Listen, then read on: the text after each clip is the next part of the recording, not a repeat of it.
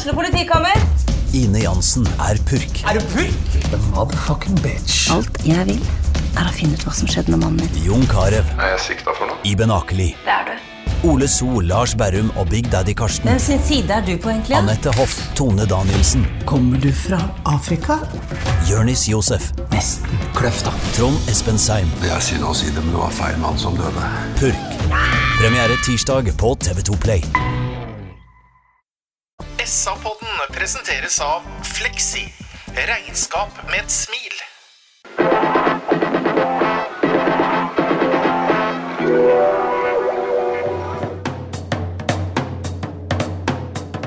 Sarpsborg Arbeiderblad gir deg en ny episode av SA-podden med Sven René Nygård, Øystein Weber, Petter Kalnes og Bjørn Inge Bingen Nilsen. Hjertelig velkommen til en ny utgave av SA-podden. Det er Sarpsborg Arbeiderblads egen fotballpodkast. I dag spilt inn hos herr Jørgen Andersen på Olsen.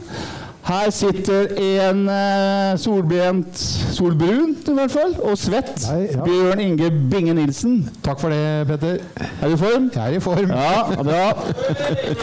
Vi har eh, Vi har vår egen lagkaptein i Sven Rune Nygaard. Hei, Sven. Hallo.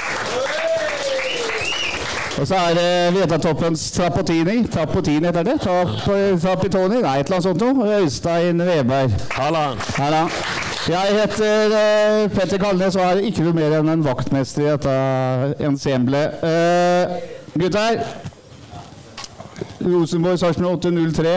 Sven, hovedinntrykket ditt? Ja, nå banner jeg igjen. Å, dæven.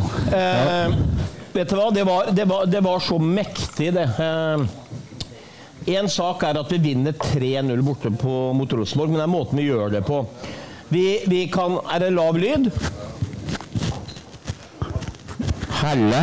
Ja, det er bedre. Det er bedre. Ja, ja, men jeg kan ikke holde den inni kjeften når jeg preker, da. Ja, kom igjen, kom igjen. kom igjen. Jo, jo. Ja. Men nei, det er helt, eh, helt fantastisk. Altså, vi, vi, vi vinner kampen 3-0. Vi har eh, fullstendig kontroll.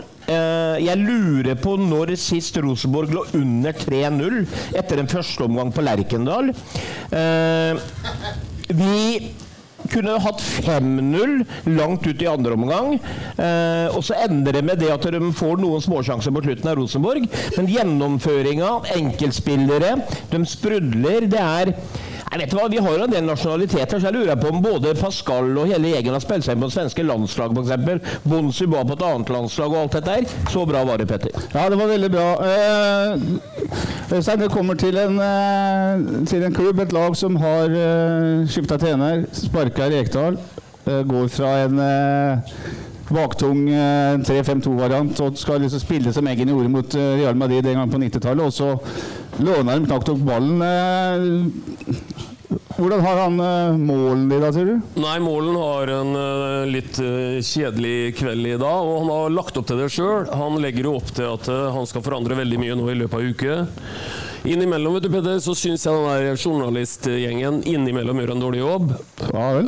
Ja, ja, absolutt. Eh, Og da savner jeg noen oppfølgingsspørsmål.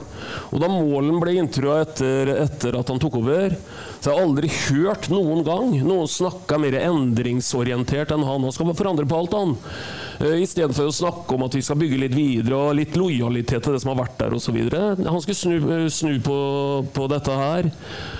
Og det spørsmålet jeg øh, savna, da, og det er lett å si det i etterkant nå, for å gni det litt mer inn, det er jo åssen har du hatt det med å være spillerutvikler i en klubb hvor du overhodet ikke har trodd på hovedtreneren i klubben? For det spørsmålet burde vært stilt. Så fikk en eventuelt svart på det da.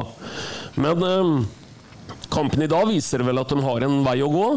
Og det er klart Rosenborg anno 2023 det er jo ikke engang en blek skygge av det det var en gang. Nei, men Det som er viktig her for oss, Bingen, er jo ikke å snakke om Rosenborg. Det skal ikke gjøre det mer. Men jeg syns det er Sarpsborg som er bra, mer enn det er Rosenborg som er dårlig, for å bruke det uttrykket. Enig? Ja, Fantastisk offensivt. Vi bare hogger, eh, vi hogger og vi hogger. Så fort Rosenborg erobrer ballen, så står vi tett oppi dem. De får aldri ro, de får aldri spilt tre trekk.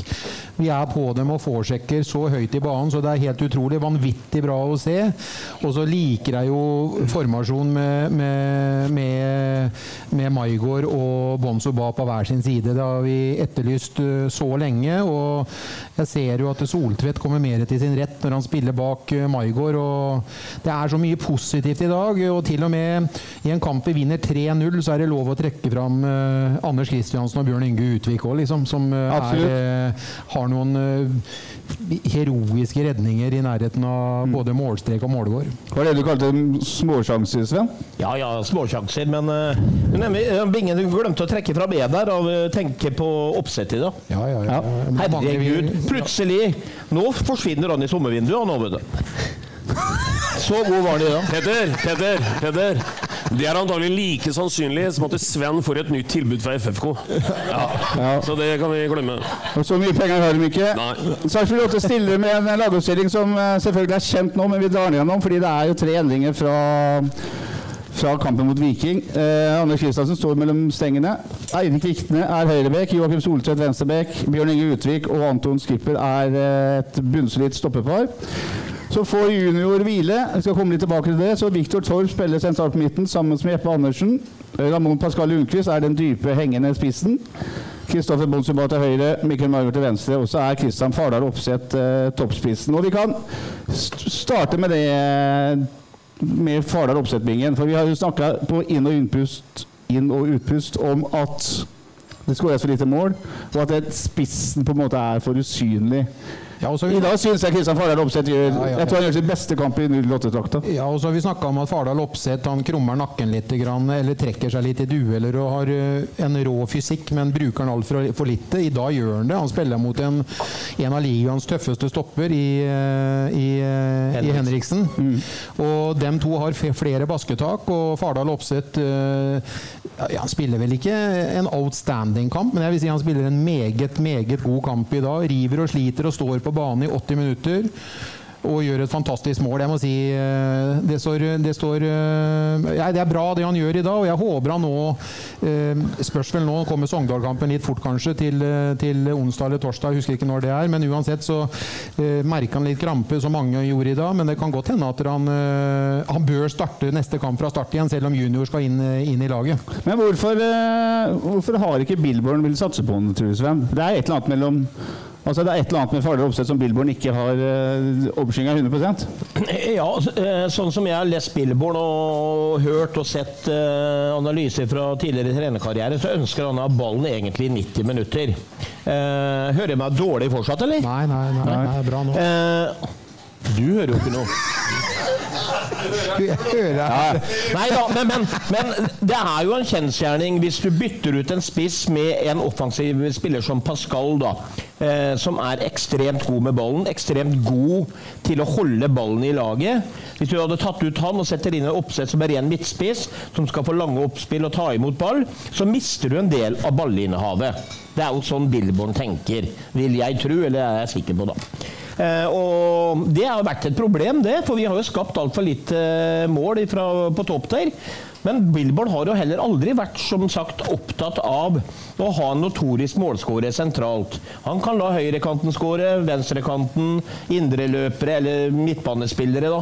Så det er liksom det er der han har vært tro mot sin eh, spillestil, og holde de spissene ute. Og så må jeg forsvare litt med å si at eh, hvis du tar Mogensen og de andre gutta, Skålevik og Skålevik er jo en herlig fyr, men han faen, han treffer jo ikke åpent mål, liksom. Det er jo rene ord for penga, det er ikke det du sa i avisa di? Så, så, så, så da, da, da må han vurdere hva er best for laget. Eh, og der tror jeg på en måte Det er jo der det ligger, da. Men kan det her være nok til at uh, Fardal Opseth får på en måte den selvtilliten som eh, han trenger til å gjøre tosifra antall mål i løpet av sesongen? Ja, altså Det kan det jo. Nå begynner jo tosifra å henge høyt etter hvert, da, i og med at vi har kommet til den ellevte runda. Men, men det er jo klart at det er selvtillit for en spiss. Det skjønner jo alle at det betyr eh, mye. Og så er det jo en lærd spiss som vi har snakka mye om. da. Det, det vi har satt inn, er jo på en måte løsninger som ikke er optimale. Fardal kan jo den rolla der, og, og har egentlig et ganske, ganske stort eh, register å spille på. Og så har han den der greia som egentlig aldri noen kommer til å definere helt hva er. Litt sånn Fox in the box. Litt sånn vet hvor ballen detter ned. Han, øh, han har mye i seg, han altså. Absolutt. Lagoppstillinga er eh, kjent. Eh, vi kunne i hver eneste pod snakka om eh, Captain Fantastic nummer fire, Bjørn Inge Utvik. Vi skal gjøre det nå. For i dag syns jeg han er helt fenomenal. Ja. jeg har en god følelse på at de skriver kontrakt med ham snart. Men, eh, uten at jeg vet det. Men det er et eller annet som jeg tror, hvis magefølelsen stemmer. Men eh, vi har sett noen landskamper Bingen. Vi har jo halvveis på fleip. Det begynte jo med en liten fleip at Utvik skulle inn på landslaget, men nå begynner vi å mene det. Eh, han er fenomenal i dag òg. Jeg har ment det helt siden jeg så han øh, stopperen til Vålerenga i landskamp mot Spania i Malaga. Ja. Strandberg i Turbo. Ja, Strandberg der nede. Og, og det har egentlig litt, litt sånn vann på mølla. For at øh, jeg syns det, er en- jeg synes det er helt bånn i bøtta at Utvik ikke engang er i troppen og blir vurdert god nok til en bruttotropp som samles til to hjemmekamper hjemme, når han bor øh, like nede i gata for Ullevål.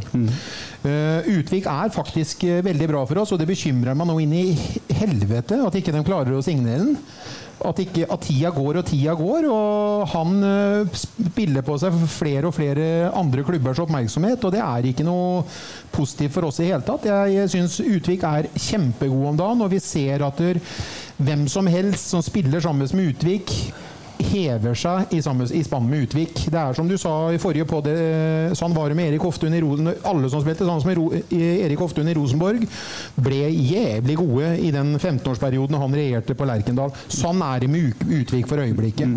Så det der er eh, kjempekritisk. Hvis ikke det sportsutvalget og, og Raymond Fjell får på en kontrakt eh, fort for han. For vi begynner å bli veldig attraktive, og vi har flere. Mikkel Maigård er på utgående. Vi har flere spillere som, vi, som ikke blir prata om, og som ikke blir satt noe søkelys på. Men vi er liksom ikke sånn at vi har så stor tropp at vi kan plukke 25 mann som er veldig solide. Vi har en liten, liten tropp på 15-16 mann som vi er helt avhengig av å ha i, i eh, kampform.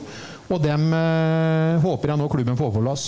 Ja da, Bingen har jo et poeng her, og Utvik er jo naturligvis eh, utrolig viktig for oss. Men i, litt sånn bekymringen din da, Bingen, i forhold til at det høres ut som at, at de ikke har fått løst dette, og sånn, så tror jeg ikke det går på vilje fra klubben. Jeg tipper at de er litt mer eh, øker nesten ting litt fra gang til gang, men det må liksom to for å danse tango her. Ja, men jeg har stått utenfor den i bilen, jeg sov i bilen utenfor huset hans øh, helt fram til han skrev under. Jeg. Vi må Ja, men, men, men, men, Ja, men, men da hadde du pådratt deg noen andre greier. Da hadde du blitt politianmeldt. Stalkere finnes det nok av. Det var det du gjorde med polakken en gang. Ja. Det eh, Ja, det er noe du skulle sagt Petter Rusaran Finnen du henta til SF. ja, jeg husker det godt. Jeg, det ligger da. Heter Lasse Mathilde. Han hadde ikke spilt på Etsa bedriftsidrett engang. Eh, Sven, som gammel eh, fotballspiller. Og der, og der stopper sammenligningen mellom deg og Ja, men, men, men, da, da må jeg ta det når Bingen sier at han spiller alle gode. Bingen, jeg spiller jo Bingen god når han står i mål. Jeg preka jo 'se til høyre' og venstrebingen, nå kommer du ut og Så det her vet Bingen alt om. Ja, men, meg, Bingen han har hørt iallfall på deg, da. Ja, Bingen, ja. Han var jo tro mot meg til de grader. Men hva er det som, er, hva er det som, er, hva er det som gjør Bjørn Inge Utvik så god som forsvarsspiller? Eller som fotballspiller, er jo mer enn bare forsvar. Ja, Han har alt han har, og ikke minst det han har som er helt unikt i norsk fotball. Det er huet. Altså, Han får jo ikke vondt, han, selv om han får det vondt. Han gir jo blanke faen i om eh, kneleddet står og vipper til høyre, liksom. Det er bare, Han er nede og kriger. Han, vi hadde situasjonen i dag hvor han header ut på slutten av kampen der, hvor det kommer eh, Rosenborg-spiller med to hender i trynet på han, spretter opp, får mista pusten, eller fikk han i underlivet, eller hva kaller du det? Kølla? Sola plexus. So, nei, ja, det var, ja. Nei, ja, ja. Nei, det er jo lenger opp, vel. Men, men det er liksom den, det, det er den her viljen han viser, og du kan tenke deg å spille på lag med én når du er redd for å få et mål imot. Han stuper med huet, han takler med kroppen. Han, og så ser jo alle at helvete, nå ble han skada. Nei, han går- kommer seg opp igjen. Og det smitter jo på hele gjengen. Og de vet jo det når de innleggene kommer i boksen, så er de jo ikke Forrige kamp, da! Det så ut som fulle sjømenn hele gjengen inne i, i, i femmeteren der. Men de gjorde jo det! Men ikke han var der og prata og, og gikk i duellene. Så det er stor kvalitetsforskjell. Og han er så viktig. Jeg er helt enig med Bingen. Skal jeg begynne å legge meg utenfor døra hans, jeg òg? Men eh, det er én ting jeg vil si. Men det er ikke bare det at han er kaptein. Ja. Ja, ja. Er det noen som har noe ekstra? Men jeg kan, jeg kan si det, det, og det som gjenspeiler han, og det som smitter til resten av laget, det er jo det at han har en jævla vinnerskalle i tillegg til. Og det er vel det som er trumfkortet hans. Ja, men det er jo det det handler om. Du har jo vinnerskalle når du takler med nesebenet først. Ferdig med det. Ja. Bare før vi går videre, så fikk jeg fått tre telefoner her. Jeg fikk telefon fra mora til eh, Øystein, og mora til Sven, og faren til Bjørn Inge. Petter sa dem Kan du ikke be dem om ikke banne så ille? Øystein, vær så god. Nei, vet du hva, bare for å følge opp uh, her Vi skal lytte litt når Sven snakker om uh, Utvik på ett område, da. Og det er jo smerteterskel. Sven knakk jo tre ribben i Granskrysset og spilla da en dag etterpå. Teipa opp uh, brystkassa hans, og det var jo uh, helt med- medisinsk Ja, så var du på forum etter kampen Jo, også. jo, Ja. det hørte jo med på den tida der. Men det der er jo ikke kødd, da. Men da Nei, kødd det er ikke kødd. Jeg snakker vel ikke kødd? Nei, jeg. nei, nei. Ja, men Men, det. men, men det, er, det er imponerende å se en Utvik står fram som en ordentlig sånn en eh, heroisk eh, forsvarsbauta. Og, og hver gang han går ned, så mistenker hun at han er eh, litt alvorlig skada. For han syter ikke, og det er noe med at det, vi liker sånne folk, altså. Vi skal fortsette å snakke litt om det laget som uh, spiller Rosenborg til rundt. Uh, Midtbanespiller Jeppe Andersen. Bingen uh, avskilta jo han egentlig ganske tidlig. Uh, men du blir vel litt mer og mer glad i du òg, Bjørning? Gjør ikke det? Og han traff jo veldig godt på det ene innlegget. Og nå er vi i gang. Nei, han har heva seg, han, han har det. Men, eh, men, eh, men han ble veldig hypa opp, og jeg syns eh, at han har han- spilte ikke helt i forventningene i starten, men jeg syns jeg ser Han er løsningsorientert, han er veldig ofte i ballbanen, han bryter riktig, slår enkle pasninger ifra seg. Og jeg mener også det at han har heva spillet sitt i takt med at junior har kommet tilbake i, i både tropp og lag. Så det er en spiller vi kommer til å få god nytte av. Men jeg forventer enda litt til han, og det er lov å si det. Det er jo toppspillere som har spilt eh, på litt større arenaer enn Sarpsborg Arbeider- eller Sarpsborg Arbeider. Sarpsborg Sarpsborg Stadion. Ja. Han du snart kutte deg. Sarpsborg eh, Stadion. Ja, bra. Skulle du si noe mer? Nei. Nei, nå venter jeg litt. Nei. Vi skal eh, Vi må innom vår lille juvel ut til høyre òg. Kristoffer Bonsuba, som jo har vært litt grann, eh, nede skal vi si det, et par kamper. Han har liksom ikke trylla hele tida. Men i dag Øystein, så leker han seg i perioder veldig. Ja, så Han er involvert i mye. Utover i kampen så er han eh, i hvert fall tredje sist på to ting som materialiserer seg i hun- nesten Jeg skal ikke si 100% sjanse, for det fins jo ikke, men, men veldig store sjanser.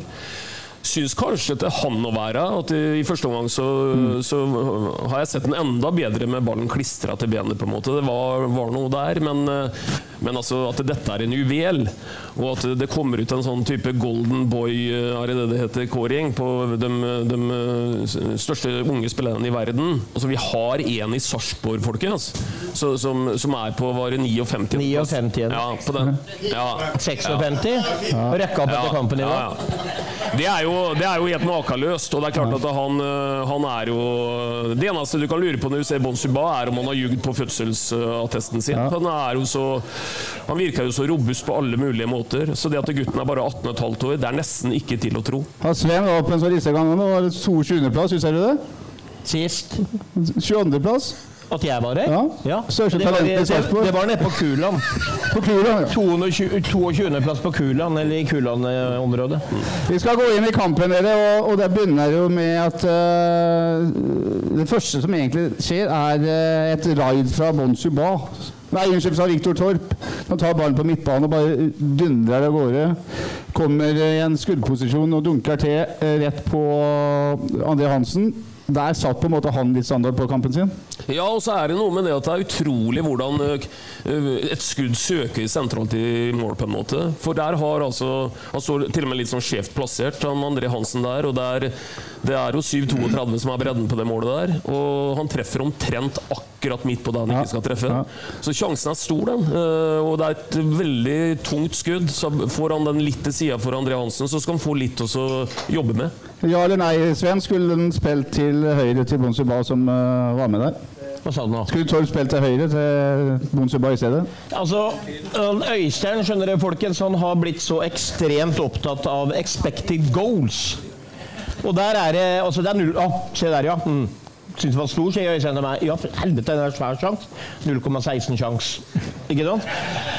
Men på den 0,16 der som du leste opp i stad Dette var ikke 0,16, det var 0,07. Ja, og da kan du tenke deg sjøl. Men hadde han rulla den til høyre, så hadde jo den sjansen blitt enda større, for han kommet alene inn mot keeper. Men klok av skade så så vi Bonsuba fikk jo den samme sjansen senere, som han også misser, som du sikkert kommer tilbake til. Så ja, han burde gjort det, men det er noe med fotballspillere vet du, som, og spisser og alt dette her. Når de skaper den prestasjonen han gjør i forkant, da. Han fortjener å nesten få avslutte, og sånn tenker jo de huene. Så han går jo på en avslutning på egen vinning der. Den sjansen du nevner med Bonsuba kom etter ni minutter, og den er så svær som bare det. Eh, Fardal eh, kjører et angrep litt på egen hånd, slår et flatt innlegg som eh, Ramón Pascal Lundqvist helt elegant, som han alltid gjør, hopper over. Og så har jo Ba god tid òg, vet du. Han kunne egentlig kanskje stoppa en bingen, er du enig? Ja, nå vinka jeg egentlig til Per Ivar Mathisen. Ja, så jeg skulle ikke si noe Jeg skulle ikke si noe nå, men jeg kan ta det likevel. Eh, ja, den var veldig svær. Og han eh, vet jo akkurat hva han skal gjøre òg. Han drar seg inn, og jeg tenkte at han skulle gi ren rist, men han prøver å plassere den i lengste, og det er jo altfor stor margin, egentlig. Det er meteren eller halvannen utafor, så det er liksom ikke nærheten. Men alt er riktig, og det er en stor sjanse. Ja, Det var for øvrig en stygg feil av Per Siljan Skjelbred, som, eh, som var en fantastisk fotballspiller en gang til. Men jeg syns ikke det var spesielt imponerende da. Ble også tatt ut i pause. Eh, så er det et par, par muligheter for Eller muligheter halvgreier for Rosenborg. Ikke noe farlig i det hele tatt. Det som kjennetegner det første kvarteret, er at det er veldig mye plass begge veier. Mye kontringer, mye halvkontringer. Og det er, det er på en måte en kamp som ingen trener vil ha, for de har jo ikke kontroll på den i det hele tatt. Sven. Det er rene håndballkampen her. Ja, men eh, det er jo ingen tvil om hvem som eh, var dårligst i den håndballkampen der. For vi var overlegne. Eh, når vi vant ball, så var vi mye Det var mye mer kvalitets i overgangsspillet vårt enn det Rosenborg hadde. De kom noen ganger ut på, på sin høyreside, men vi virka mye farligere fra nesten, som han Steffen Foyn hadde sagt, første dropp. Vi, vi, var, vi var på, vi, vi knebla dem tidlig. Du kan tenke deg det her, da. Altså, Rosenborg har slitt nå inne i svarte. De har hatt en trener som heter Kjetil Rekdal. Så kommer målen ut, som han Øystein var inne på i stad, eh, og ikke stola på eget ungdomsarbeid og alt som har vært der i klubben. Kommer inn som ny trener. Prater om visjoner om 4-3-3 med det samme. Nå tenker Rosenborg-fansen nå, nå er vi tilbake. Og så knebla vi dem helt fra starten. Alle hørte jo det på 0-3 til pause. De var jo så misfornøyde. Det ble buing. Det var, så, så, så, alt er så ut... Jeg pleier å si at jeg får gåsehud du, jeg preker om meg sjøl. Jeg får det på ekte, altså. Det er helt på ekte. Seriøst. Ja, jeg ser, jeg ser. Eh, og det, det er liksom, Når du sitter og ser en fotballkamp når du liksom er borte mot Rosenborg, der hvor Real Madrid tapte 2-0 Altså, Vi leder 3-0 til pause. Det er så unikt! Ja, Det er foreløpig 0-0 på blokka mi, da. Ja, ja, men ja, nå er jeg litt lenger fra. 21 minutter og 50 sekunder, Øystein, så kommer det et eh, Det er fotballgodis. Noen kan til og med kalle det for fotballporno. Ja. Det er fotball. Godis. Ja. Eh, det begynner med at eh, vår venn eh, Bonsu Ba kjører litt rundt med han Nelson, han ved venstrekanten til Rosenborg. Slår en støttepasning til Jeppe Andersen, som gjør det vi lærte av Dagen Alvestad til Lena Berber. Slår på første touchet, innlegget. Kommer fra Jeppe Andersen mot bakre stolpe. Og så kommer Mikkel Margaard, eh, Øystein. Og det der er bra teknisk utført han gjør der. Ja, det er helt etter boka. Det er pensum, det, å avslutte på den måten der. Og det er jo ikke bare at han gjør det, men han har gjort det mange ganger. Så, så Maigård, han har, har eh, også den der skallen som innebærer å være litt på rett sted til rett tid. Og når han får den muligheten, som du sier, vi har sett det før. Klinisk avslutning. Helt etter eh, boka som eh, ville vært en sånn en pensumbok hvis du studerte hvordan du skal skåre mål. Som keeper der, Bjørn Inge, må du, ta, må du konsentrere deg om nærmeste stolpe. Nei, da må du konsentrere deg bare og prøve å stoppe ballen. Jeg syns uh, Maigård Innlegget er helt supert, men jeg syns Maigård er uh, kjempegod. Han vekter den så veldig. og Om å gjøre å få han under tverrleggeren, men i tillegg så vekter han den tilbake. Så jeg syns det er veldig bra prestasjon av Maigård. Maigård er god. Maigård er god, og Maigård gjør mye mål. Vi har etterlyst det, men nå har han begynt å produsere voldsomt etter at eh, det var litt uh, tørke til å begynne med. Men det er plassen hans, vet du, mot venstre der. Ja, absolutt. absolutt. To minutter etterpå så kommer Eirik Vikne i skuddposisjon. Og han gjør jo det, Sven, fordi dette Billborn-systemet eh, inviterer til at bekkene skal inn i banen. Opptre som noen slags inderløpere, litt høye inderløpere, og få den ballen der i et rom som jo er mellom den dype midtbanespilleren til Rosenborg og stopperne. Der er det et, alltid et rom, og det er det rommet søker han. Ja, og det er jo det Rosenborg ikke klarer å takle da. Og det er det de fleste lagene ikke klarer å takle mot 08. Fordi de kommer opp begge to noen ganger, de kommer inn i banen, og, og, og det blir overtall. Så det blir det for Rosenborg. Og så bare passe på å nevne det i stad når vi snakka om Jeppe. altså Han hadde målgivende på pasningen mm. på den første. Han er nest sist på den ballen der, og han er tredje sist på det 3-0-målet. Mm. Ja. vi kommer tilbake til. Ja, ja. Men, men det er Nest sist på Får han assist på den til Vikne? Ja, vi kan jo kalle det Det er jo han som spiller gjennom til Vikne i medløp. Sånn, du er så fiendtlig. Han kan ikke få assist på den til Han er jo med sist på ballen, vel! Åssen er det i hockeysteffen? Er det ikke første- og andrepass og sånn? Jo, jo, jo. Nei da, vi må dra fram Jeppe, skjønner du, for det er moro når Bingen bomma litt, men eh, Nei da, det er helt vidunderlig. Og til spørsmålet ditt, det er kjempevanskelig. Tenk deg å ligge i en treer på midtbanen for et fotballag når det liksom, du har liksom tre å ta hensyn til. Så bare flommer inn en, eh, en, eh, en Vikne fra høyre, og så kommer plutselig en Soltvedt fra venstre. Fire mot tre, fire mot tre. De klarer jo ikke ta alle de rommene. Og det er det som er så fascinerende med Billborn og 08. Det skapes tre- trekanter over hele Men, men jeg har lyst til å si det. Dag Nagestad sa det òg, han. Skyt mellom noen ben, Ja. retningsforandring osv. Det er akkurat det Vikne gjør. Soltvedt har flere av dem i dag, og det er viktig. Hvis ikke vi får skudd på mål, så eh, minker vi betraktelig sjansen til å skåre mål, og det gjør Vikne i dag. Og den er borti noen, og den går inn under tverrleggeren.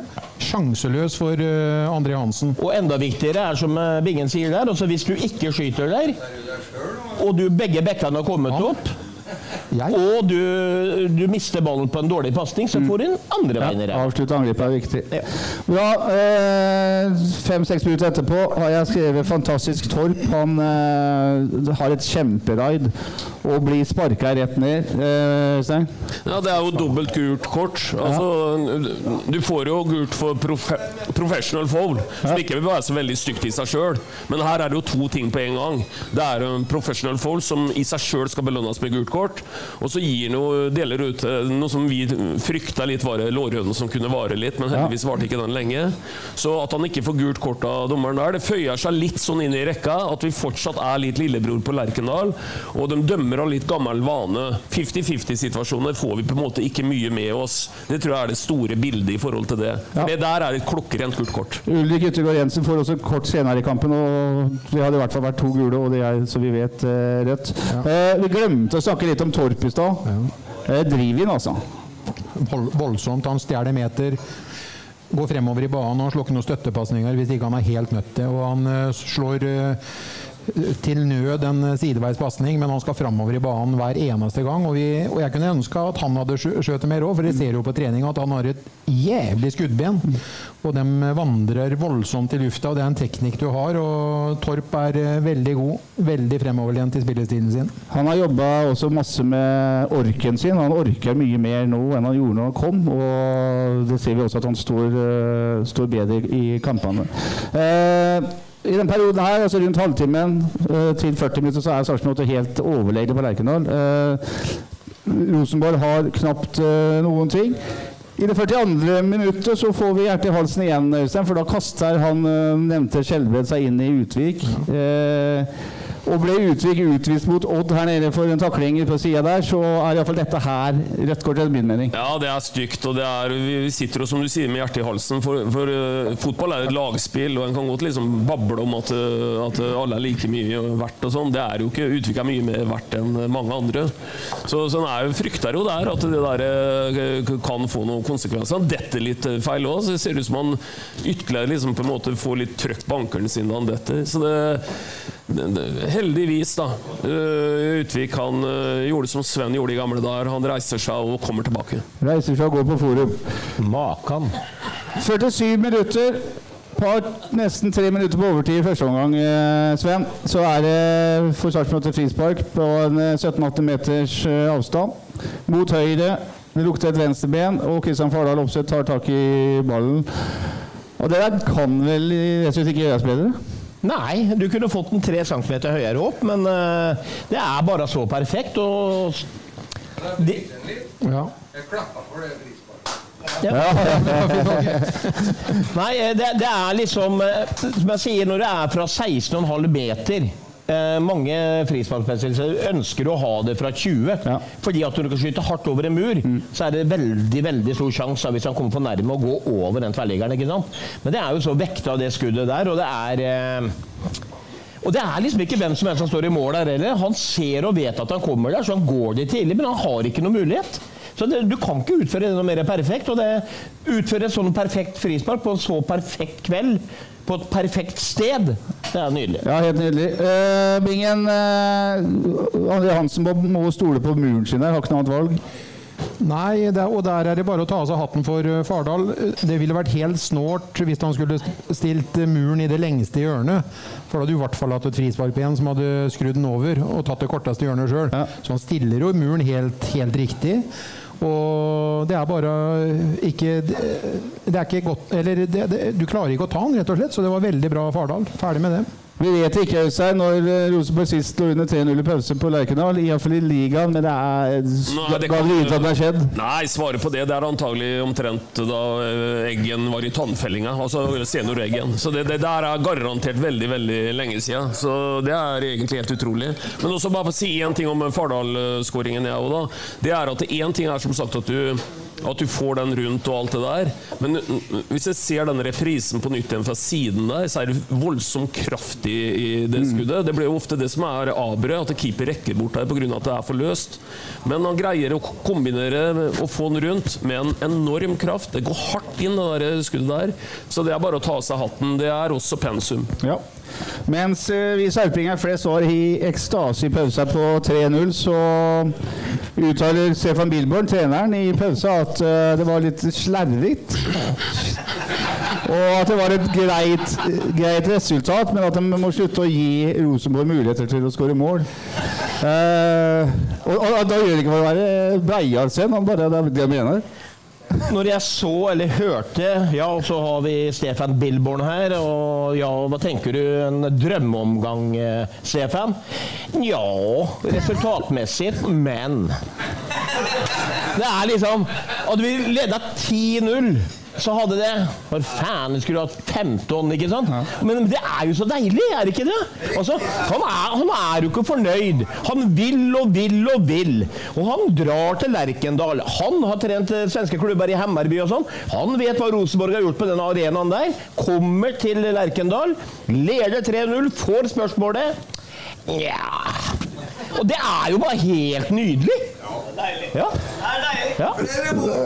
Ja, ja, ja. Nå har han vært der to ganger. Det er uh, Bilborn. Bilborn har vært der to ganger, og han eh, har ikke tatt på Lerkendal. Det er tredje bortekampen på rad som Rotte vinner på Lerkendal. Og andre på tre år som ikke slipper inn mål, så det er uh, veldig bra.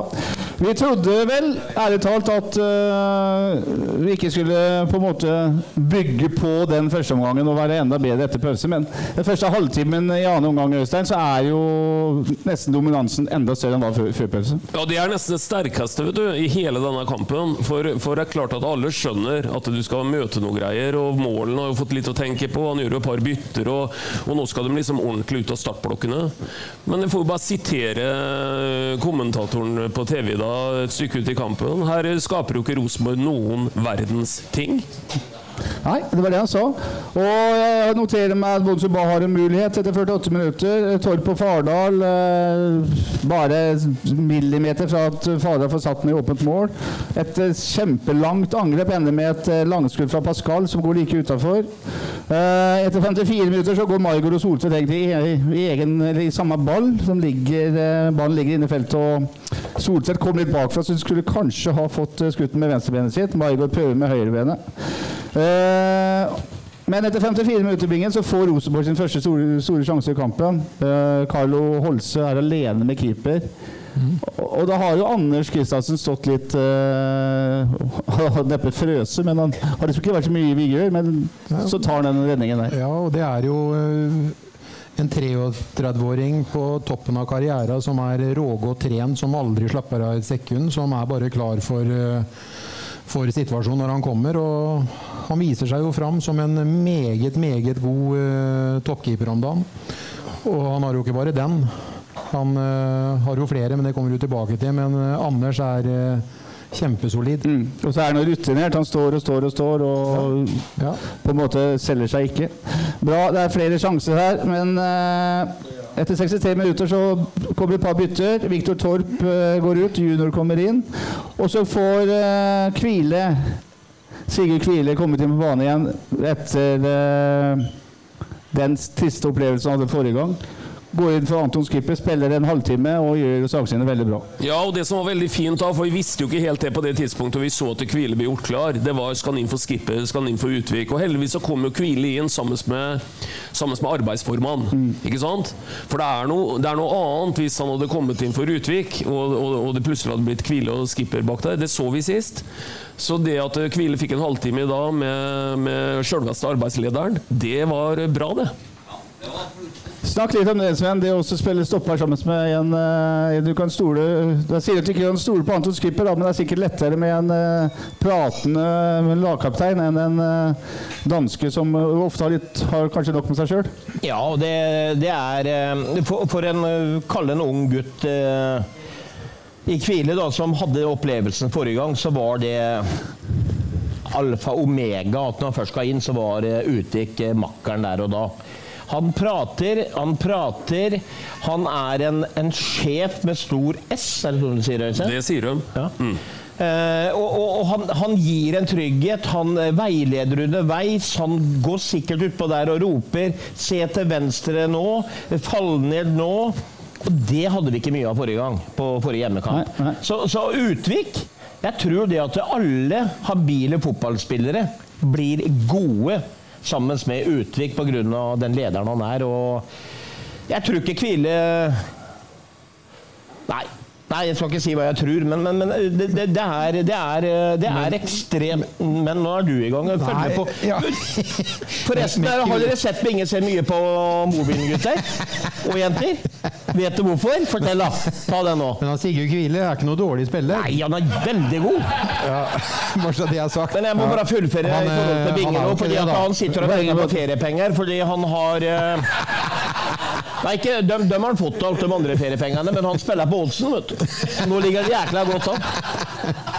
Men jeg syns det er bra lagledelse, bra coaching av Øystein å hive Kvile innpå der. For han kunne jo f.eks. vant til Martin Høiland, eller tok i junior ned eller noe. Men han, han lar Kvile få de minuttene han trenger. Ja, det syns jeg er helt utmerket. Og Kvile trengte en litt sånn oppreisning etter det der eh, han var involvert i sist. Så jeg tror dette her er idrettspsykologi på ganske høyt nivå. Og det overrasker jo ikke i det hele tatt. Eh, Billborn og Bjørklund og teamet, det er kloke folk. Bra. 64 minutter. Bonsuba til Fardal til Pascal eh, Ramón Lundqvist som skyter og han tvinger André Hansen til en kjemperedning. Så er det et innlegg fra Soltvedt som eh, Fardal Opseth stusser like på utsida.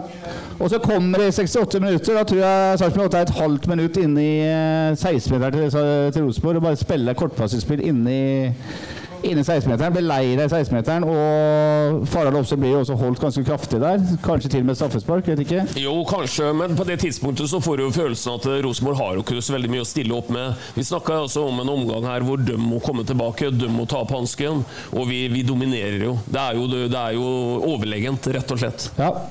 Etterpå eh, så slår Pascal en pasning til Kristian Farald Opseth som bare skal skli inn i mål, men som bommer med noen millimeter.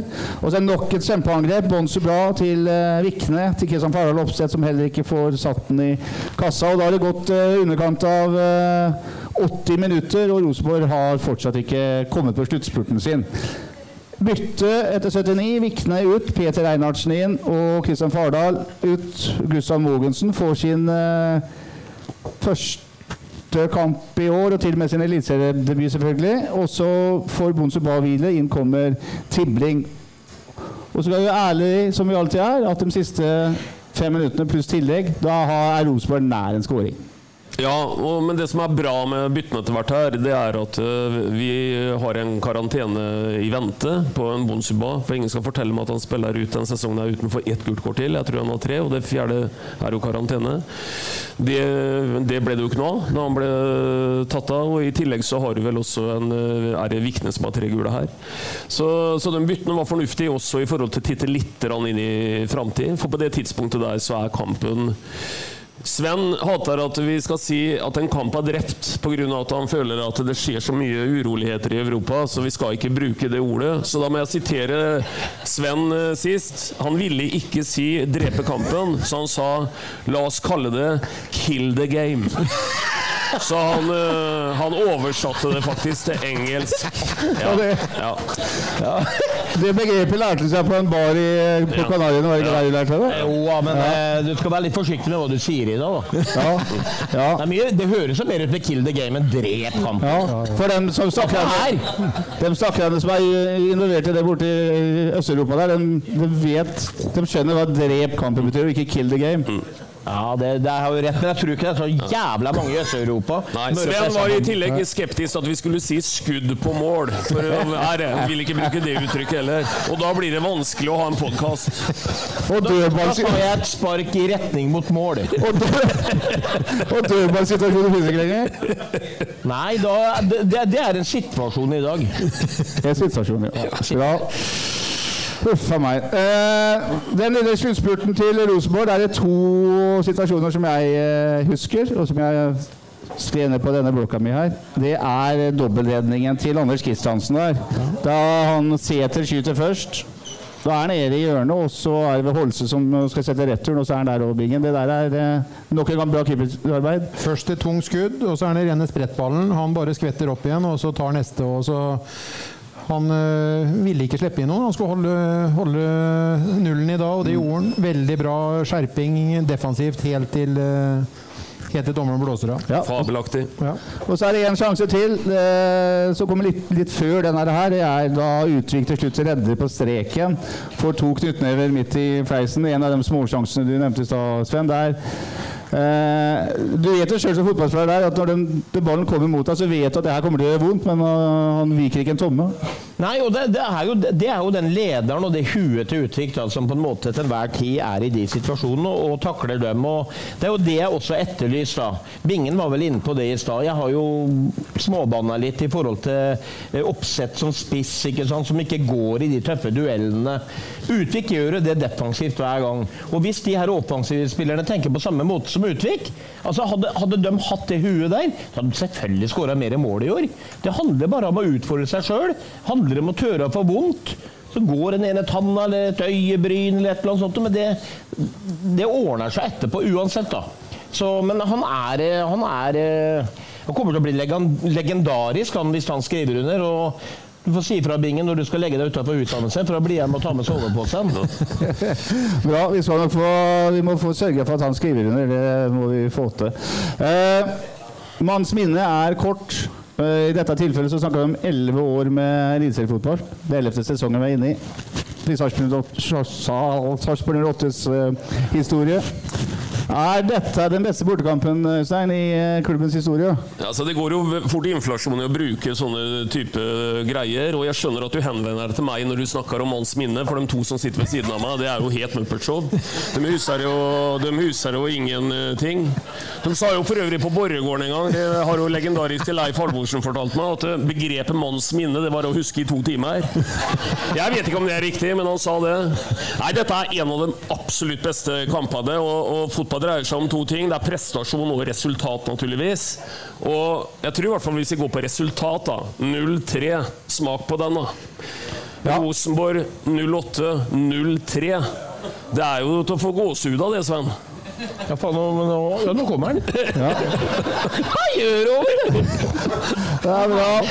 Få gåsehud av både ene og andre, Sven. Det er herlig. Ja, jeg er glad i dere. Runda starta med at Viking slo Brann i Vestlandsarby i går kveld 3-1. HamKam Odd 0-1 i dag. Hamar-kameratene sliter voldsomt. Molde Haugesund 1-0. Tromsø Stabæk. Tromsø imponerer 2-1. Så spiller Godset og Bodø-Glimt akkurat nå. Og da forlater vi Rosenborg-kampen og ser litt grann eh, på sesongen i litt større perspektiv. Elleve kamper er spilt. Sarpsborg 08 er nummer seks på tabellen med 18 poeng. Fem seire, tre tap og tre uavgjort. 15-11 i målscore. eh, Og sjetteplassbingen, er det omtrent som du Nei. For du husker selvfølgelig ikke tabelltipset ditt? Jo, jo, jo, Ja, det det. Ja. Er det omtrent som du hadde trodd? Nei, det er jo ikke det. For eh, jeg sa jo en gang før Bon ba og han eh, Pascal kom, at eh, vi kom til å kjempe med ryggen mot veggen. Men jeg er jo ikke i tvil om at jeg endra det her når vi hadde podkast før sesongen og vi tenker at jeg hadde en sjette til åttendeplass, eller åttende-tiendeplass, rundt der sånn. Så det er jo innafor det, men jeg, jeg syns vi har så mye bra, bra i laget. Men stallen vår er så sårbare, så vi er avhengig av at, som du snakker om nå, kort på Bon Suba osv., så, videre, så, så så har vi få strenger å spille på. Men så lenge vi har første 11-måler, eller den første 14-15 intakt, så kan vi være med og faktisk også kjempe helt der oppe mellom eh, jeg kan si til sjette til bronse, jeg, og tøye meg til det. Når vi spiller sånn som vi gjør i dag, så må vi ikke glemme det at Rosenborg har slitt noe voldsomt. altså De har sparka treneren sin. Så det at vi leder 3-0 til pause, er jo helt outstanding, fantastisk uansett. Det tar vi alle dager. Men jeg kunne godt tenkt meg at vi var litt mer sånn skjerpa. Vi har mange sjanser utover i andre omgang, og det har vært litt sånn mot Tromsø så hadde vi alle muligheter til å punktere den kampen langt tidligere, men vi taper den 2-1. Nå hadde vi en betryggende ledelse som vi red litt på, så det var ikke så farlig. så Vi snakker ikke om alle de brente sjansene som vi på en måte gjorde i dag. Men hadde det vært 0-0 til pause, der, sånn, så er det lett for at Anders Kristiansen ikke gjør en dobbeltredning på slutten, sånn som han gjør på 3-0. Det virker veldig pent, men vi har litt å jobbe med for å omsette sjansene hele veien. Men i dag vinner vi 3-0, det skal vi være veldig glad for. og jeg tror, med laget intakt Det kan godt hende vi får noe inn. Jeg håper i hvert fall ikke at Bonsuba går ut. For da liksom blir det der ekstra krydderet våre så jævlig tynt. Og ja, det kan være fra sjette til bransje. Det har jeg tro på, så lenge vi viser opp sånn som vi gjør. For det er jo et eh, norsk mesterskap i fotball eh, med 15 lag, dette her, Øystein. For eh, Bodø-Glimt er jo seriemester alt. Bodø-Glimt er seriemester, så den kampen kjemper vi ikke om. Men vi kjemper om alle andre posisjoner, egentlig. Og, og når en ser på en livetabell i dag til Tromsø, f.eks., som i rundspiller i perioder da, ligger på sølv, så skjønner jo alle at den er liksom up for grabs, den. Og det er klart det er mulig. Vi vil vel tro kanskje at Molde, med den stallen og den bredden de har, kan være en naturlig sølvkandidat. Gullkandidat er de ikke, for det, som sagt, seriemesterskapet er ferdig. Og jeg tror at dette kan være året hvor vi kan, kan bli nummer tre. Og det ville jo vært eh, fantastisk, det. Men Sven, i dag ser vi jo liksom toppnivå, og det toppnivået er skyet, det vet vi. Men er det det der, det å finne et, eh, et middelsnivå da, som er så, er så høyt at man liksom vinner f.eks. i Tromsø, da, eller f.eks. på en dårlig dag mot Viking hjemme, at man klarer poeng? Er det det, som komme seg opp, er det det som er utfordringa? Komme seg opp et nivå der man eh, på en måte, eh, også på dårlig dag, tar poeng? Ja, det er det jo. Og det å være stabil. Eh, Jeg har jo så dårlig husk, jeg vet det som han Weber sier. så jeg og så er det dårlig med mobilen, så jeg tok sånne screenshots av resultatene. er det ikke det heter? Screenshots. Men, og, og så, det som irriterer meg, jeg er fornøyd med åpninga, jeg er fornøyd med plasseringa. Det er sånn som vi hadde tatt ti av ti dager i uka. Eh, når, Ti eh, dager i uka? Ja, men det er min uke, da. Ja, ja, ok. Eh, men det er så mange kamper her som irriterer meg. Ja, vi kunne tatt poeng i noen av dem vi har vunnet. Men vi har altså sånn eh, Bodø-Glimt 0-2. Helt greit, de er jo bare helt fenomenale. Vi slår Vålerenga borte, men da syns jeg vi fortjente det. Eh, Odd-kampen hjemme, f.eks. Den blir jo 0-0. Den kan jo vippe begge veier, for så vidt. Kan vinne der òg. Haugesund borte. Er det mulig? Faen, skulle jo vunnet 5-0. Og så har du liksom Stabæk-kampen som vi spiller bort eh, uavgjort. Det er for så vidt greit. Vi slår Brann, og så slår vi Lillestrøm. Men så har vi de her kampene. Jeg mener at vi, vi har fått som fortjent i de kampene vi har vunnet i. Men jeg syns vi skulle fått enda flere poeng. Fordi at noen av de andre kampene her sånn, så syns jeg vi Tromsø-kampen, helt enig, latterlig at vi ikke vinner den kampen der, for vi er så gode. Og hvert fall Jeg syns jeg kunne hatt fire poeng til. Da. Mm. Og da hadde jo Vet ikke hvordan livetabellen til Veberg hadde vært da. Nei, da hadde vi vært på sølv, da, vet du. Ja, da hadde vært på sølv, da, vet du. Og det, der skal vi. Fire poeng, Nei, vi tar bronse. fire poeng til, så hadde han vært på bronse, som det også heter. Ja. Eh, hvem er den største positive overraskelsen så langt? Det er dagens mest åpne spørsmål. Vær så god, Bingen. Hvis ikke du svarer Bonsuba, så kan du gå. Det hadde du ikke tenkt deg, faktisk. Jeg trodde, jeg trodde det var i felle. Ja, ja, ja. Det var i felle, ja. men Det er klart det var Bonsuba. Ja, ja. Du sa ikke Jeppe nå, liksom? Nei, sa ikke Jeppe nå. Det var et uh, veldig åpent uh, spørsmål. Vi uh, skal snakke litt om ting som har skjedd også litt i kulissene den siste tida. Eh, det har kommet inn en sportssjef som vi ikke kjenner noe særlig til ennå. Hampus Andersson fra Gøteborg. Ordentlig Gøteborg-gutt, og den pleier å være hyggelige folk. Alle som har vært på tur, helgetur i Gøteborg, vet jo det, at det er fint i Gøteborg. Da er vi nye og stor, sterk og sånn. Eh, bare er litt over 30 år. Det som er interessant, syns jeg, Øystein, er at han er, eh, han er speider, sjefsscout, mer enn en tradisjonell sportssjef. Ja da, og så tror ikke jeg vi skal være så veldig bekymra for at han er eh, kall det veldig ung og sånn, for han har gått læretida si og vel så det i, i Göteborg, i Hekken. Og det er klart at han har et nettverk etter å ha jobba med dette her eh, lenge.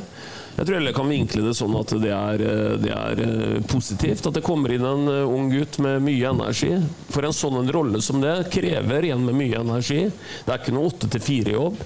Så jeg eh, skal i hvert fall gi han eh, sjansen. Det er ganske meningsløst å sage dette i utgangspunktet. Men når du hører, eh, Bingen, som gammel sportssjef, eller egentlig hele byens Hva er vi enige om? Hele Østlandets sportssjef, egentlig? Norges, hele Norges. Norges sportssjef, egentlig.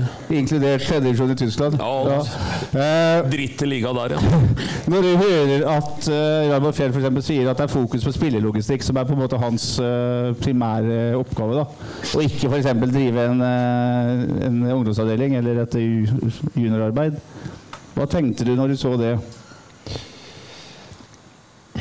Jeg, for det første så tenkte jeg at jeg syns det er dumt Jeg synes det er synd at vi outsourcer alle de viktige stillingene vi har her i klubben. Uh, han er sikkert dyktig. Uh, spørsmålet jeg stiller, er om vi kunne finne noen som var like dyktig i, i nærheten av oss. Uh, jeg ønsker han lykke til. Og så tenker jeg det at der, sånn som jeg leser det nå, så skal vi ha et sportsutvalg. og det sportsutvalget skal bestå av folk, og i, i, fremste rekke Bjørge Øyestad, som har en sivil jobb ved siden av. Hvem er det som skal være hands on i forhold til Vi skal ikke bare ha på plass å selge spillere for store summer, som Bjørge har vært veldig flink til, men vi skal også være hands on. Vi skal være på både agenter, og vi skal pleie nettverket hele veien. Det, det der er litt Det er fint at vi skal eie klubben skal eie eh, på en måte det sportsutvalget, men vi må ha en, eh, vi- vi må ha en sportssjef som er på hele tiden. Og han speideren, han skal på en måte underrette seg og være speider, og så skal sportsutvalget i fellesskap signere spillere, og han skal finne dem og være på. Det stiller jeg meg litt tvilende til. Ja, men. Var det ikke akkurat det som var Thomas Berntsens store styrke? Når, han- når han funka som altså det å hente spillere? Jo, men eh, Thomas Berntsen spurte ikke noe sportsutvalg om vi skulle signere han eller ikke. Han hadde et budsjett som han forholdt seg til. han. Og når han var sikker i sin sak på at han skulle hente en Rostet, eller om han skulle hente en, en eh, Hva heter stjerna våre som gikk til Rosenborg og utlandet, som er Sakariassen, så var det Berntsen sitt hode som gjorde det, han. Og han, hadde, han visste at han hadde så og så mye til rådighet, så var det han som fullførte det helt alene. Så det var jo hans pre når han kom den gangen. Så jeg lurer på hvem er det som skal gjøre det nå?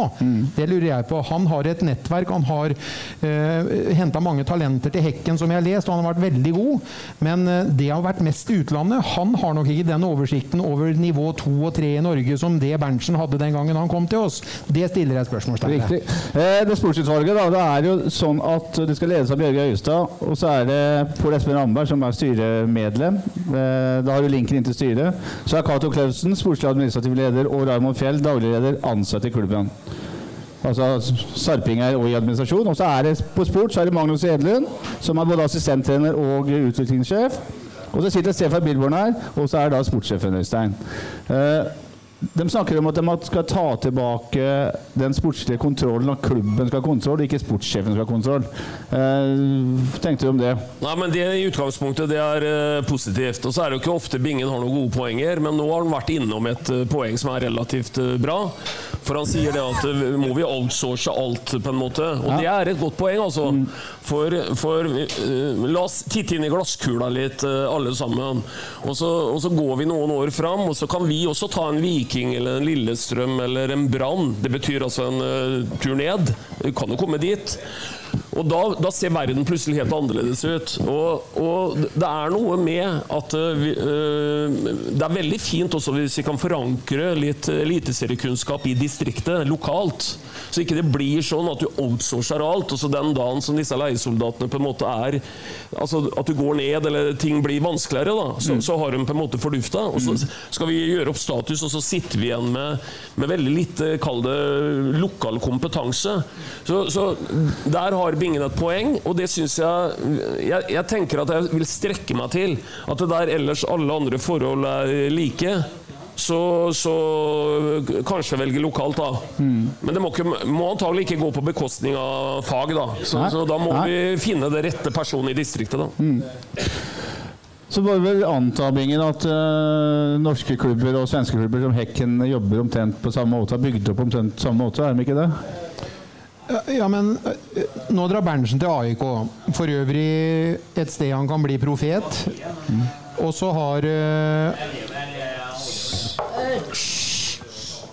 Jeg tror ikke AIK har et så stort apparat rundt stillingen til Berntsen. Enten er Berntsen der for å være sjef på det sportslige, eller så er han ikke det. Vi henter en svenske da fra Hekken som skal gå inn i et fellesskap hvor ikke vi har den der ene som skal styre det sportslige. Det er det jeg setter et eh, ja, setter en finger ved, da. Ja, bra. Men, men jeg, jeg, jeg syns det er litt trygt det, da, at eh, en Hampus som eh, tross alt har henta spillere til et lag som vinner eh, tittelen i Sverige, eh, og samtidig har et organ rundt seg som på en måte Hvis han kommer på noen spillere, et eller annet sånn som Thomas gjorde tidligere Thomas var flink, men man har et organ rundt seg som på en måte som Billborn da, i forhold til dette her med at den spillestilen han vil ha, den spilletypen han vil ha, at han er med på å være med og velge litt ut på dette her. Og veileder, råder, mener. Det er vel det som er eh, hele grunnen. Det er greit. Vet, du hva vi kan gjøre? faktisk? Vi kan gjøre det sånn at vi kan invitere han uh, Hampus uh, i en podkast utover når han får bodd seg til.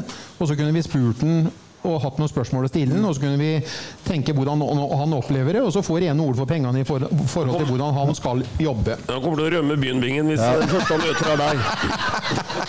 Jeg sier- bare hæla det på det, og så sitter han på Avenyen før vi vet ordet av det. Eh, siste tema rundt det der, eh, Øystein Weber, er Stefan Bilborn har skrevet langtidskontrakt ut til 2026.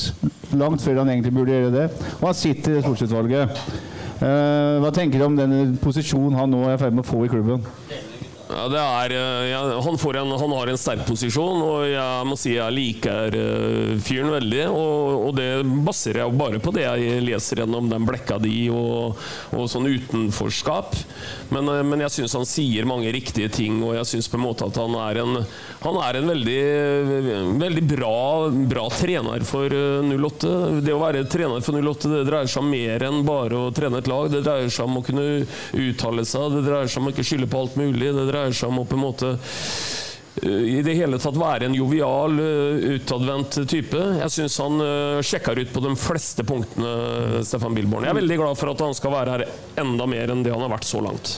Bra. Vi går litt videre og ser om vi kan se inn i den der berømte glasskula der man spår Eller tippe, tipping nede i med, for jeg har ikke noe særlig greie på dette her. Og så ender denne sesongen, Sven. Fjerdeplass. Blir ikke medalje. Blir ikke medalje? Hæ? Ikke medalje? Nei, jeg tror ikke det, men, eh, men vi kommer høyt, høyt opp. Eh, vi, vi var inne på det i stad. Det her toppnivået vårt er så høyt. Og, men vi er sårbare, vi også. Eh, Bingen var også inne på stallen. Vi bare så hvor sårbare vi var uten Utvik. Eh, og hvis han forsvinner, f.eks., ja, da må det en bauta inn, altså. Eh, men, men, men vi er så gode at vi, vi, vi beviser jo det i stad. Vi drar 16. mai på Åråsen. Det er jo et mareritt i utgangspunktet. Vi vinner der. Vi går til Lerkendal og vinner 3-0. Eh, men det er noe med den her stabiliteten vår. Vi, vi kan også nå øh, Håper det går bra, men vi kan møte Sandefjord hjemme nå. Hvor vi plutselig alle forventer at det blir 3-0 eller 4-1 eller et eller annet. Så kan vi slite og butte litt imot, da. Så der tror jeg vi har en del å gå på, det å skape den stabiliteten. Men at vi kommer høyt, høyt opp i år, og en fjerdeplass, er i hvert fall min spåkule. Det er fjerde rundekamp i cupen før jobb mot uh, Den blir tøffere enn Sogndal på onsdag. Ja. Eh, Øystein, tenker du? Nei, altså, La meg også komme med en liten uh, greie til å begynne med. da, for Når jeg sier at Rosenborg ikke er den utgaven de har vært, og sånn, hvis vi skal liksom på en måte analysere dagens kamp, så skal vi huske på én ting. da, At Rosenborg har hittil i år uh, 8-6 i målforskjell på hjemmebane. Vi snakker om før kampen i dag. Eh, De har vunnet tre kamper, spiller én uøvert og tapt to. Det er ikke all verden, men det er ok hjemmestatistikk. Så det vi har gjort i dag, er veldig sterkt uavhengig av om ikke utgaven er så veldig god. De har sluppet altså inn 50% mer mål i dag enn de har gjort i hele sesongen til sammen fram til da. Bare så vi ikke er noe tvil om at det vi har vært vitne til i dag, det er ganske ekstraordinært. Og på den bakgrunnen så sier jeg at vi blir nummer tre, da. Nummer tre. Og Bingen sier Ryggen mot veggen. Nei, ikke nå. Eh, jeg eh, Ja, jeg Da sier jeg mm, fjerde-femteplass. Fjerde, si, fjerde, da. Du må ta én, For å være litt, men vi, er, vi blir dratt litt med nå. Så jeg irriterer meg fortsatt at vi ikke klarer å knekke den koden hvor vi avgjør den Tromsø-kampen. Hvor vi taper den istedenfor. For det skal vi liksom ikke gjøre. De der, de der kampene de skal vippe så vi, så vi når det der målet om å komme opp og kjempe om å spille i Europa igjen. Og det gjør vi ikke ved å tape den på overtid, når vi til de grader kan avgjøre en så jævlig både til pause og like etter pause. Ja. Europaplassen kan komme gjennom en uh, cupfinaleseier, f.eks. Bare nevner det. Og den kan komme hvis uh, den her, ja, Sarpsborg 8 blir nummer fire. Bodø-Glimt vinner ligaen, og Bodø-Glimt vinner cupen. Går det, tru? Ja, det går jo selvsagt for, fort for Norges beste fotballag å vinne alt. Ja, men fire uansett, er vi nå er vi ute og sykler igjen. Ja. Det kommer i hvert fall et overgangsvindu nå i sommer. Det åpner 1. august. Vi kan se litt grann på dem som ble henta i vinter først. Felle en liten dom over dem. Vi har fått inn eh, Vi har snakka om Eppe Andersen, han bør vi ikke gjenta. Vi har snakka om uh, Bon Suba, det bør vi ikke gjenta. Men eh, Ramón Pascal Lundqvist er fortsatt uten uh, scoring-bingen, men uh, han gjør mye for laget. Ja, og jeg er sikker på at han syns det er leit at ikke han får knekt den koden på mål, men han er voldsomt mye involvert og har eh, andre og tredje assist på mye av det vi har skapt uh, framover. Han er en viktig spiller for oss. Det er en spiller som klarer å holde på ballen offensivt i banen når vi f.eks. blir pressa eh, av motstander. Han er en eh, spiller som jeg ville tatt eh, alle dager og ikke bytta mot, bort på noen andre i forhold til hva han har eh, bidratt med. Jeg kunne ønske, jeg vet ikke, Han spiller høstsesongen nå, eller? Ja. Han gjør det? Ja. Ja. ja. God Hva- spiller. God spiller. Hva tenker du om Peter Reinhardsens innsats så langt, Sven? Eh, Høyrebekken. Det er jo litt vanskelig, for han har jo ikke, han har jo ikke vært på TV-skjermen uh, til stadighet. Uh, men han er jo en fin backup. Og det, det er vel på en måte litt det han ble henta for òg, tenker jeg. Han var ikke, ikke henta for å gå rett inn og dominere på høyrebekken og ta plassen til Vikten. Og... Så jeg, jeg føler meg ikke og, og det er litt sånn deilig, for sånn har det vært i all tid når jeg har fulgt 08-utgaver, og du vet at en viktig spiller eh, blir skada eller må slå over eller et eller annet, så blir du sånn bekymra for han som skal ta over plassen. Men jeg får ikke en sånn direkte bekymring når Vikne må ut og Reinhardsen må inn, f.eks. Jeg føler meg liksom ikke utrygg. Og det i seg sjøl er vel en grei kompliment, da. Ja, En vi ikke har sett noe særlig grad, bortsett fra i cupen, er Martin Hoel Andersen. Han hallenseren som var i Sarp for noen år siden, og som har gått en sånn lang omvei for å komme tilbake til Eliteserien. Øystein. Eh, Han har visst i cupmatcha at han vet hvor, fortsatt vet hvor målet står. Ja, og vi, vi skal ikke avskrive han. Altså, igjen, treneren til Rosenborg ble spurt om hvilken vei han har gått. og Han kalte det for å gått fjell- og fjordveien. Altså en veldig lang vei dit han er. Han går litt fjell- og fjordveien, han, øh, han Hole Andersen òg. Men har, øh, har mye i seg. Og jeg vil ikke, ikke avskrive han på noen måte. Men det gjenstår å bevise at øh, han kan levere også i Eliteserien på høyt nivå. Da. For det er jo det andre arenaer han har levert på. Ja, det er det. Han kan levere. Han kommer til å levere. Enorm fin fysikk. Fint nærspill. Bra teknikk, overblikk, og har bevist også at han kan skåre i cupkamper. Eh, ligger ikke mange hakk bak, etter min mening, f.eks. en Fardal. Opseth. Nei, en Fardal Opseth. Vi snakker om en spiss.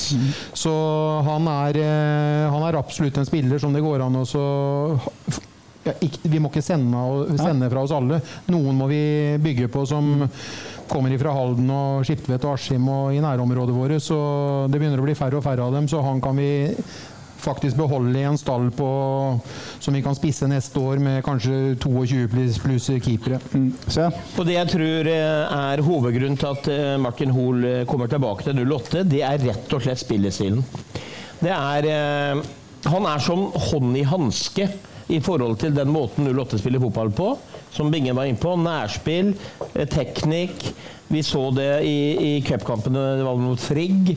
Han, han, han er en sånn spiller som på en måte beholder ballen i laget ute på venstrekant hvis han spiller venstrekant. ikke sant? Så han er, han er litt skreddersydd. Og så må han, som Weber sier, da bevise at han tar det nivået på toppnivå, og ikke bare i en cupkamp mot et lag i en eh, tredjedivisjon. Men jeg har også veldig tro på Martin Hole Andersen. Men da må han slutte å være skada. Ja, det er sant.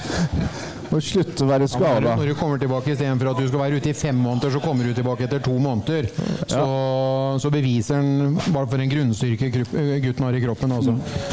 Bra, det åpner et eh, overgangsvindu 1.8, som da blir det første som Hampus Andersson er delvis med, eh, med i.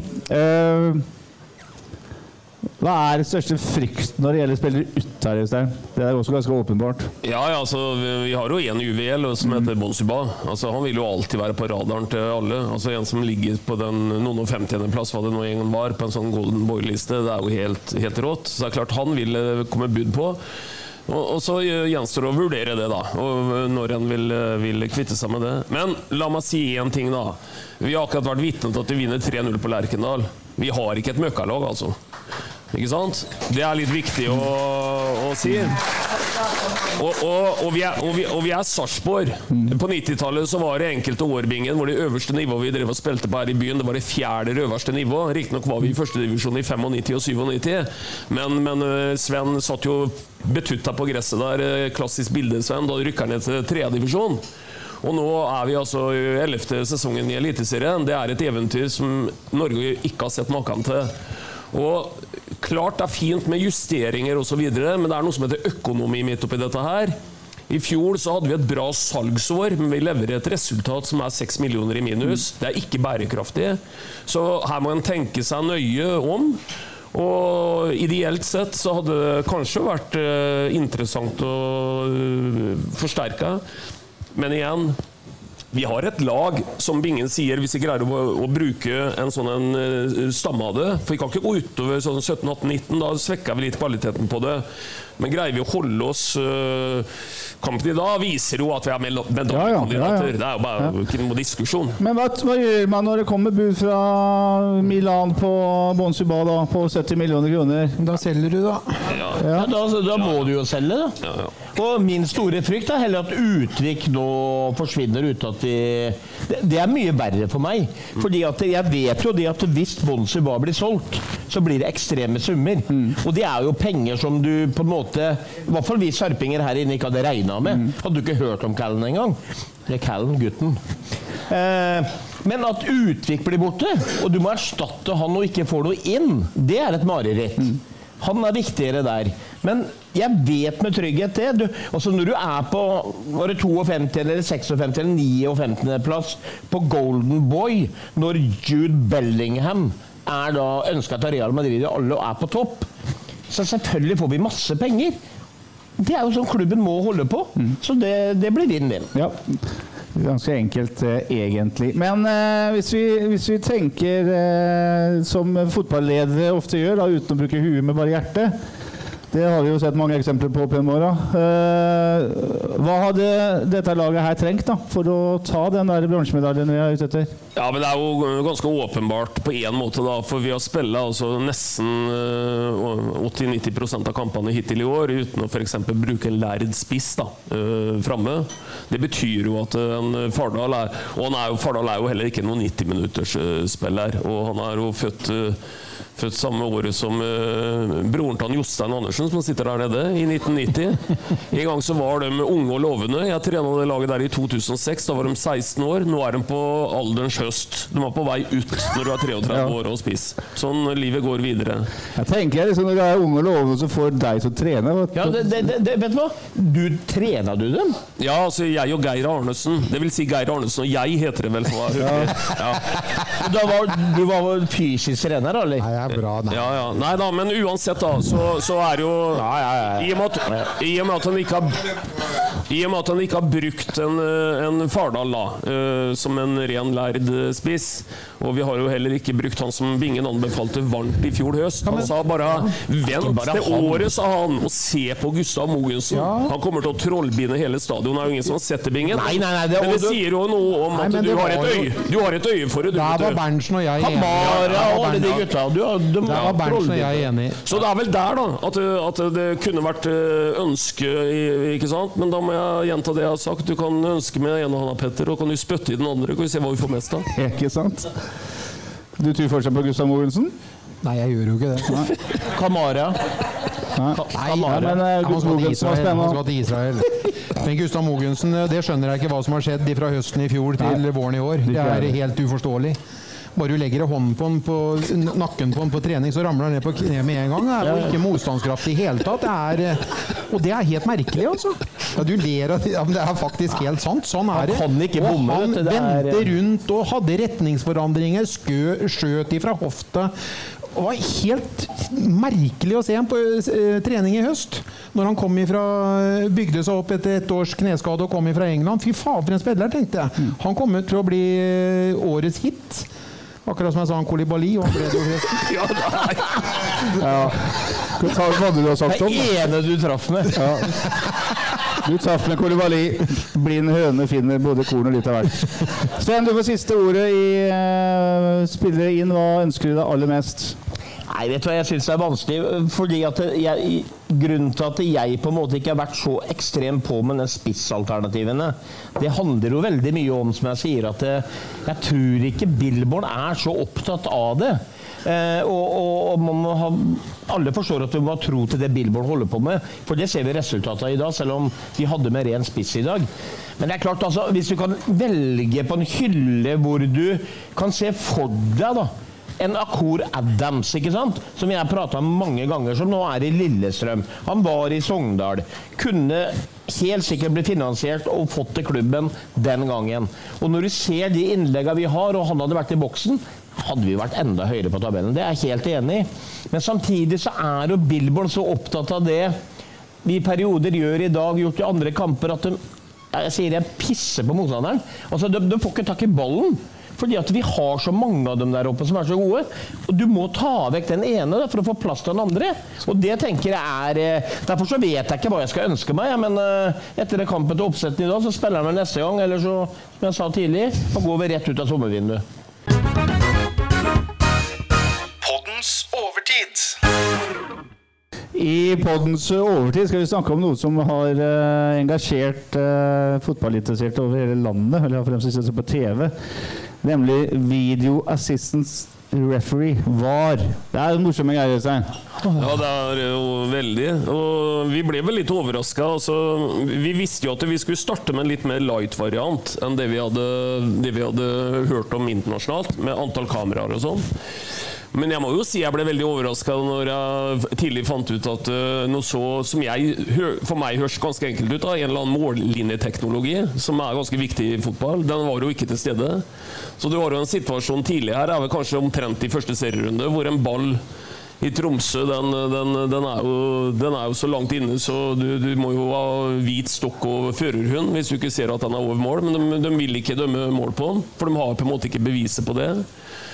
Og så kommer jo noe som er ganske interessant i tillegg, da, og det er jo at de tar selvkritikk. Og det, jo, det skal han jo ikke kimse av. Det, det er ikke ofte kanskje han hører det fra den kanten der.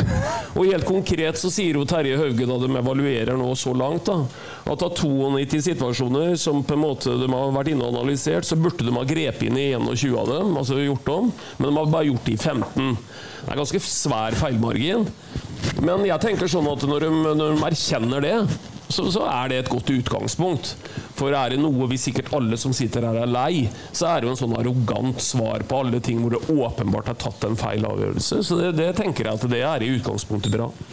Men vi bruker jo voldsomme penger i, i Norge på fotball, Sven. Og så har man altså ikke råd til å Eller tar seg ikke altså råd til å ha et kamera som jo vil avgjøre det viktigste i fotball, om, om det er mål eller ikke. Er ikke det helt meningsløst når man innfører uh, VAR?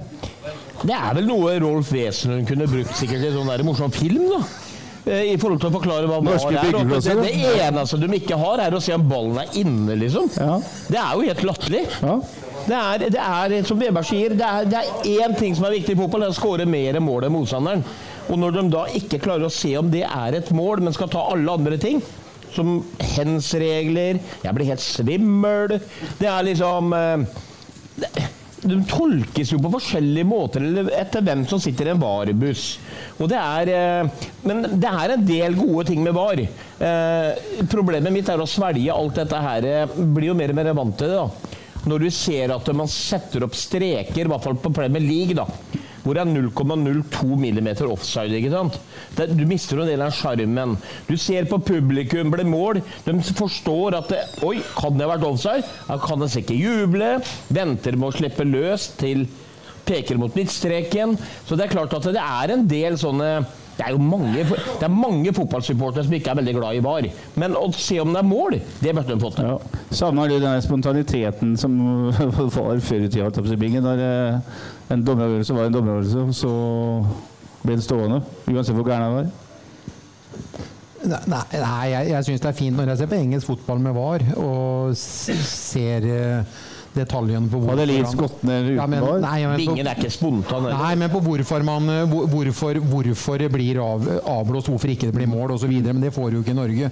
Og da syns jeg liksom alt blir eh, veldig gærent, da. Men jeg er egentlig litt irritert på at du stiller dem to spørsmål før overtid om hva vi skal hente til 08, og så får ikke jeg eh, spørsmål. Det var veldig dumt. Ja, det, det Ja, for du er jo sportssjef òg. ja, men, ja, men det, det irriterer meg litt. Ja, men så si- Ja, det, Men hva ja, vil si du det nå, da? Mye mer interessant enn var. Skal jeg tenke meg om litt? Nei, men det som er Jeg syns vi er sårbare, og jeg syns backupen på sida til etter at der, eh, Utvik tak, filletakla Joakim eh, før de skulle dra til Tromsø for tre uker siden, eh, altså Thomas når han var på vei tilbake, så er det kun én venstrebent bekk, og det er Soltvedt, som gjør det veldig bra. Thomassen kommer nok sikkert ikke tilbake. Jeg vet ikke hvordan øh, den ankelen og de to ribbene og alt det her, hva han fikk av Utvik den lørdagen, øh, kommer til å leges. Men vi trenger en, en som ikke heter Christensen på, på venstre, venstre bekk, som, skal, som opp på, på plassen til, til Soltvedt. Der syns jeg vi er litt sårbare. Det var klokt innspill, Bingen. Ja, det var jo sånn halvklokt. Men jeg bare, i og med at bingen Ja, halvklok. I, og- I og med at bingen har, i, i spora da, i forhold til, til VAR, så har jeg en avsporing, jeg òg. For i dag så starta altså ikke Sarpsborg med den jeg mener de skal starte med sju dager i uka, nemlig junior.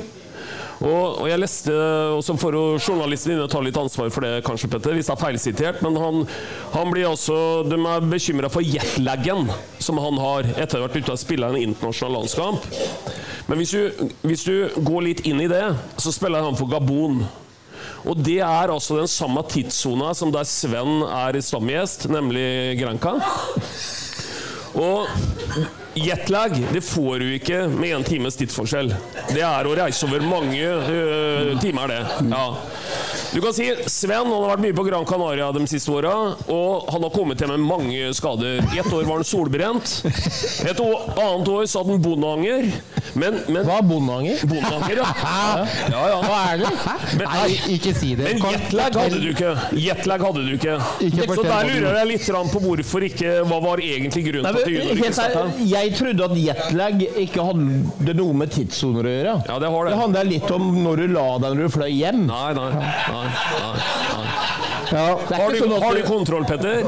vi har kontroll på at uh, junior ikke hadde jetlag, og forhåpentligvis ikke hadde med seg samme greiene hjem som Sven pleier å ha fra, Faen meg igjen. fra Gran Canaria. Vi eh, nærmer oss slutten. Det har vært en eh, fabelaktig fotballkveld. En av de bedre vi har hatt. Sarpsborg 08 har vunnet 3-0 på Lerkendal. Takk, for, uh, takk til dere som er i Olsen, på Olsen pub. Takk til alle som hører på dette her. Nå tar vi en liten sommerferie. Er tilbake eh, 30. juli. Da er det Haugesund uh, som kommer til Sarpsborg stadion.